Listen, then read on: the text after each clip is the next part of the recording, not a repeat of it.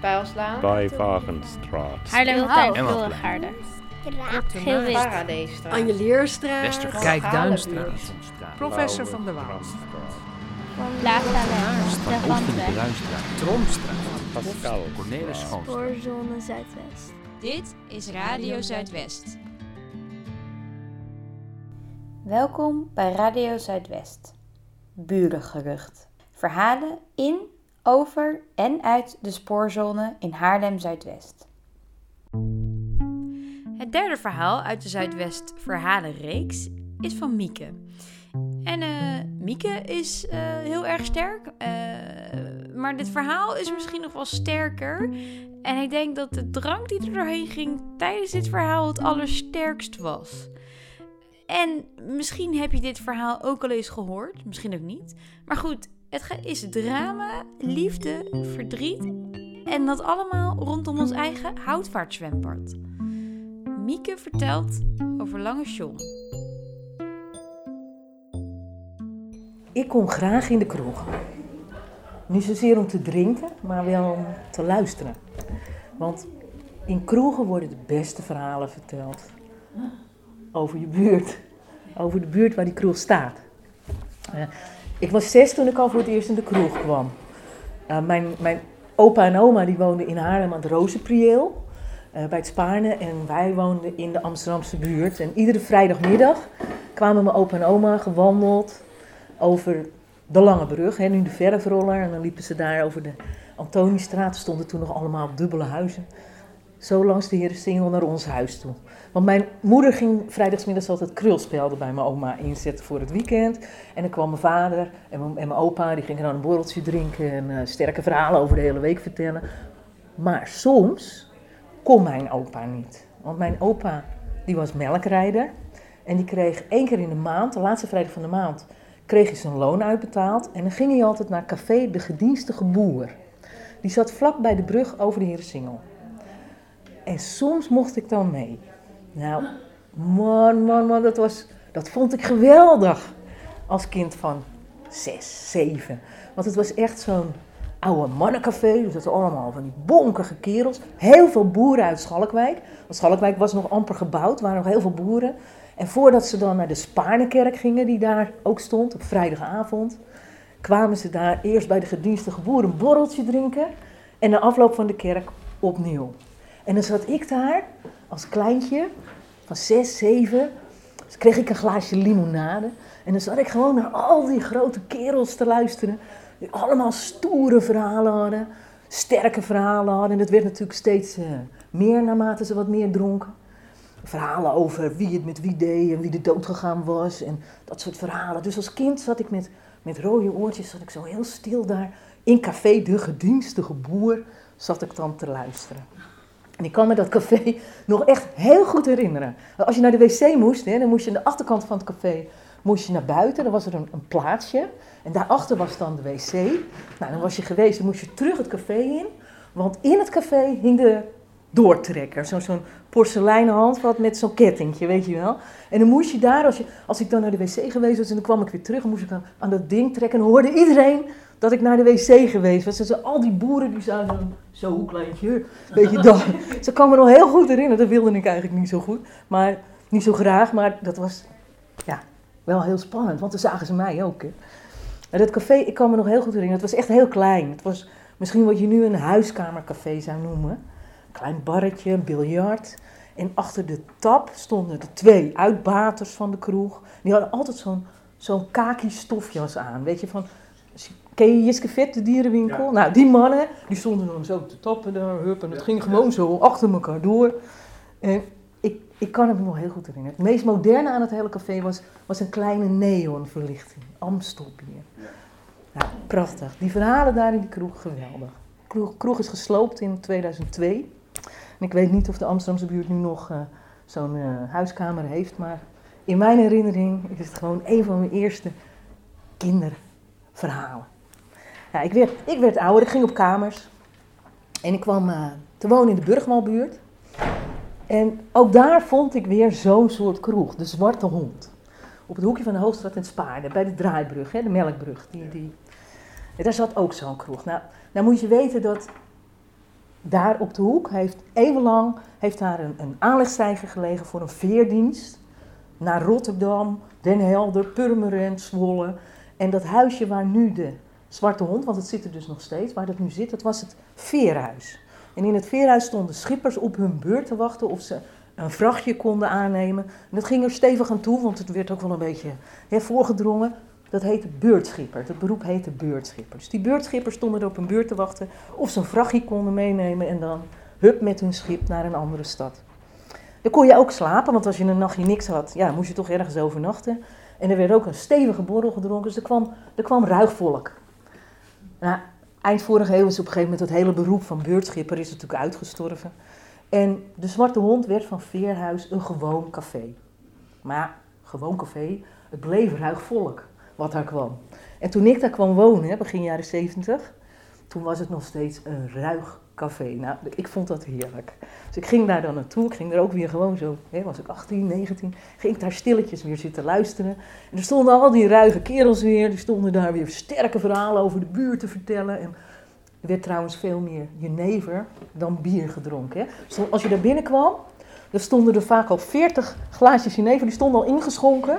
Want het ging daar gewoon achter elkaar door met die gasten. En jenever is natuurlijk ook spraakwater, dus die verhalen werden in de loop van de avond alleen maar spannender en stoerder. En dan werd er ook wel eens flink geknokt. Met elkaar, dan waren ze het natuurlijk weer niet met elkaar eens. En dan sodemieterde er ook wel eens een het Spaarne in. Eh, aan de overkant, recht aan de overkant van het Spaarne, had je Café van de Heuvel. Dat was al net zo'n stoer café. Dus als je nog even doorging in die nacht, dan gingen ze van de Zwarte Hond tegen Van de Heuvel, gingen ze ook nog boksen en vechten. En dus er lazen er regelmatig iemand die dat Spaarne in. En de kastelein van de Zwarte Hond, die sprong er dan altijd in. Dat kan ik me nog herinneren. Want je kon heel goed zwemmen en dan trok je er weer een op de kant. En, eh, nou ja, goed, dat ging dus de Zwarte Hond. Hè. Later is er een restaurantje ingekomen. Nu heet het weer de Zwarte Hond trouwens. Maar het is nu een heel keurig café-restaurantje met jongeren met een eh, beperking die daar serveren. En ze hebben er zulke bitterballen, echt. Je kan ze per stuk bestellen. Maar een heerlijke kroeg. Nou, 22, 23 jaar geleden ben ik hier in de buurt komen wonen. En uh, in de Leidse buurt vond ik weer zo'n oude bruine kroeg. Zo'n persisch tapijtje op tafel, bierveeltjes, jenevertjes, biljart in het midden en uh, oude filmposters aan de muur in de Leidse buurt. De eerste keer dat ik daar kwam, toen viel het me eigenlijk op dat de stemming daar een stuk bedrukter was dan in de Zwarte Hond en de gedienstige boer. Er zaten diezelfde soort oude bonkige kerels, die zaten daar lekker te tanken. Maar ze waren niet zo druk. Nou, ik kwam daar binnen en uh, ik begreep al gauw waardoor dat kwam. De week daarvoor was een van hun drankmaten overleden. Lange John. Die gasten die kwamen al 40 jaar lang, iedere week hadden ze een middag bij elkaar. Als ze lekker gingen zitten drinken. Ja, nou was de eerste hen ontvallen. En uh, een van die mannen, de dikke, die zei, ja, ik heb hem gevonden. Vorige week kwam hij niet opdagen op ons borreltje. Toen ben ik gaan kijken. En uh, ben achterom gelopen. En daar lag hij. Dood in bed. Rustig ingeslapen. Hij zegt uh, tegen me van, uh, meisje, wil je ook een jenevertje? Dus ik nam hem aan en allemaal tegelijk hieven we het glas. Op, lange John. In één keer achterover. Ik was natuurlijk een beetje nieuwsgierig, hè. Van, wie is dat dan, die lange John? Wat is het dan? Uh... Nou, er werd nog eens ingeschonken. Hup, er werd nog eens ingeschonken en nog eens en nog eens en nog eens. En de verhalen over Lange John, die vlogen over de toog. Hoe een geweldige kerel die was. Zulke handen als kolenschoppen, enorme voeten. Hij had een glimlach. Als hij lachte, dan leek hij wel een filmster. En het was, het was echt een oermens. Die gast die kon zwemmen, joh. Echt 30 jaar lang, tot de dag voor zijn dood, is hij iedere ochtend 30 baantjes gaan zwemmen in de houtvaart. Ons openluchtbad. En die lengte, hij heette natuurlijk niet voor niks Lange John. Een boom van een vent. Het was echt, het was een oermens, Lange John. Die kerels die hadden allemaal sterke verhalen over hem. Dus ik zeg, oh, oh. Ik was geïnteresseerd, hè? dus ik vroeg door. En zei ze, ja, die lengte, ja, die lengte, ja, dat was heel bijzonder. Ja, en dat had hij niet van zijn moeder. Zijn moeder is nooit boven de 1,70 uitgekomen, Sjaan. Sjaan hier uit de Leidse buurt. Ik zei, zijn vader dan misschien? Ah, om eens een beetje te lachen. Ja, John, zijn vader, onbekend. Het is onbekend, we weten het niet. Oh, vertel eens wat over die vader dan. Ja, die is gewoon onbekend. Ik dacht, hier wil ik meer van weten. Dus ik bestelde nog een rondje neutjes. Nou, die gingen weer net zo makkelijk achterover bij die mannen. Maar er waren nog wel drie rondjes neutjes voor nodig. Voor die dikke begon te vertellen. Over Lange. Ja, Lange. Ja, zijn moeder, hè, Sjaan. Die, eh, die moeder kan ik me nog goed herinneren. Ze woonde vlak achter ons in de Leidse buurt. De Leidse buurt was toen nog een nieuwe buurt. Hij was nog maar net 10, 20 jaar oud. En, uh, ja, een keurige werkmansbuurt. Uh, we hadden daar een huis gekregen met ons gezin. Vier kinderen. We kwamen uit de Vijfhoek. Uit een zompige krot. Niet eens 10 vierkante meter groot. En we kregen hier in de Leidse buurt een keurige woning. 25 vierkante meter. Met z'n zessen. Een paleis was het. En het was wel duur hoor, trouwens. Zei die dikke. 2 gulden 40 per week moesten mijn vader en moeder betalen. Maar ja, ze hadden het ervoor over. Want er was riolering, er was een badhuis. Het is echt gewoon prachtig. Sjaan, die woonde daar dus ook met haar ouders. Ja, ze was een jaar of tien ouder dan ik. Ik denk geboren in 1910. En ze woonde bij ons achter in de Assendelverstraat. Dus ik zag haar vaak. En als een ventje van vijf, zes, keek ik ook een beetje tegen erop. Want Sjaan, dat was een halve jongen. Die durfde echt, die durfde alles. Die klom in bomen, die zwom in de Westergracht. Die was nog niet gedempt natuurlijk. En ze liep zomaar vlak voor een trein het spoor over. Want dat was toen ook nog niet beveiligd. Of ze stookte Vicky bij het haventje van de spoorwegen van, van Gent en Loos daar. Ja, die Sjaan, dat was me erheen hoor. Wij waren echt wel een beetje onder de indruk van. En die Leidse buurt toen, dat was natuurlijk een buurt in opbouw. Ze lagen overal bouwmaterialen, open veldjes. Dus je kon daar spelen, joh. Het was geweldig. De dikke nam een slokje. Toen was het 1927. Toen gebeurde er wat bij ons in de buurt. Er werd een nieuw zwembad gebouwd. De Houtvaart.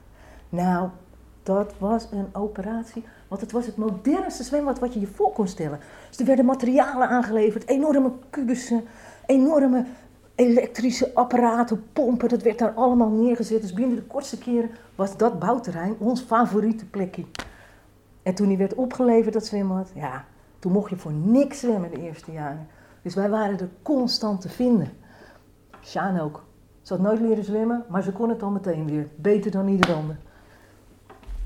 Het was een heel mooi zwembad. Het was een heel groot bad voor die tijd. En ze hadden daar een houten hek in het bad gezet, zodat je keurig netjes mannen en vrouwen gescheiden had. Ja, verder er waren instructieruimtes, prachtige kleedhokjes. Het leek alsof we in een, iets van de toekomst liepen. Zo mooi was dat. Maar dat hek, hè, dat is belangrijk, want als je dat hek eruit haalde, dan had je ineens een 50 meter bad. En een 50 meter bad, dat was de internationale standaard voor zwemwedstrijden in de hele wereld. In 1928 waren de Olympische Spelen in Amsterdam. Toen ging het hek er natuurlijk uit, want heel veel Olympische ploegen kwamen toen bij ons in dat houtvaartbad trainen. Nou, dat was voor ons kinderen was dat echt fantastisch. Want daar liepen helden, hè. We hadden, we hadden toen nog geen, geen grote helden, maar die zwemhelden, die kenden wij wel als kinderen. Hè? Dan had je Alberto Zorillo uit Argentinië. Wauw, mooi, groot, sterk. Johnny Weissmuller uit Amerika. Wow, die was groot. En Erik Rademacher uit Duitsland. Die trainden daar allemaal in ons houtvaartbad. Er stonden allemaal vlaggen omheen. Die internationale pers was daar de hele dag. Dan kwamen s'morgens die nationale teams, die kwamen daar, die stapten daaruit. Dus wij als jongetjes van zeven, wij liepen daar rond met rode konen. We wilden best wel een handtekening of we wilden ze in ieder geval eventjes aanraken of zo. Het was één spektakel die zomer van 1928. En Sjaan die had dat natuurlijk ook door. En die was toen 17 en ze begon eigenlijk al wat meer van ons af te raken. Ze werd een vrouw. Mooie vrouw. Mooie kleur, een atletisch lijf. En Sjaan hing ook heel veel om dat zwembad rond. tijdens die trainingen voor de Olympische Spelen. En soms zag ik er wel eens met zo'n mooie zwemmer, die eventjes van zijn training eh, wegliep. Maar goed, die zomer van 28, hij staat nog in mijn geheugen gegrift. Geweldig. En dat was voor zo'n jongetje van zeven. Wauw. Misschien heb ik daardoor ook niet echt gemerkt, negen maanden later, dat Sjaan van een kleintje beviel. Ja, daar was ik niet zo mee bezig op die leeftijd. Ik heb ook helemaal geen verband of niks gelegd. Maar dat gastje van haar, kleine Johnny, die groeide voorspoedig op in de Leidse buurt. En tegen de tijd dat hij tien was, hadden wij, ik was toen een jaar of negentien, hadden we heel veel lol met het ventje. Boomlange kerel. Hij kon zwemmen als de beste. Hij was sterk in gewicht heffen en alle meiden vielen toen al voor hem, voor het kleine opdonder van tien. Stralende glimlach. Kleine Johnny. Wij zaten hem vaak te pesten, hè, met, uh, dat hij geen vader had. Maar daar had hij helemaal niks van, hè. Had hij helemaal niks van. Hij ging er gewoon in mee. Hij zegt, mijn vader is de grootste held van de wereld. En dan speelden we weer verder. Geinig ventje. Tien jaar later. Dus, toen hij tien was, wij 19. was 1939. En de sfeer in Haarlem was aan het veranderen. De sfeer in heel Nederland was aan het veranderen. Ik had een baantje, ik verdiende 19 gulden in de week. Ik woonde nog thuis. Maar heel veel vrienden van mij hadden al lang geen werk meer. En de dreiging uit Duitsland, die begon op te komen. Om daar een beetje uit te breken, gingen we soms met elkaar naar de bioscoop in de stad, de Cinema Palace. Hele mooie bioscoop. Van die rode banken, zoals waar jullie op zitten, rood fluweel. En dan hadden we toch even het idee, ja, we zijn er even uit. We zijn even rijk. 23 cent een kaartje. En op een dag hadden we ook weer gezien, hé, hey, er is een nieuwe film uit Amerika. En die werd aangekondigd als spectaculair, ongelooflijk, komt dat zien. Nou, dat wilden wij wel. Dus ik met een paar maten naar de cinema. En we zaten daar te wachten en te lachen. En de film begon. Hij was geweldig, die film. Binnen een kwartier had de held in het verhaal al een kolkende rivier overgezwommen. Hij had uh, uh, van liaan naar liaan, van boom naar boom had hij al geslingerd. En hij had al een vrouw in een tijgerbikini veroverd. En toen viel ons kwartje. We keken elkaar aan. Die naam op die poster. Sjaan.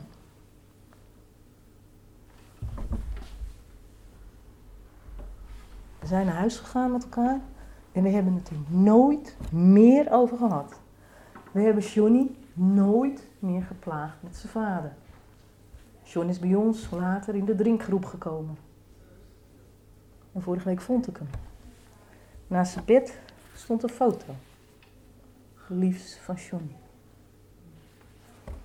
De mannen schonken nog een borrel in.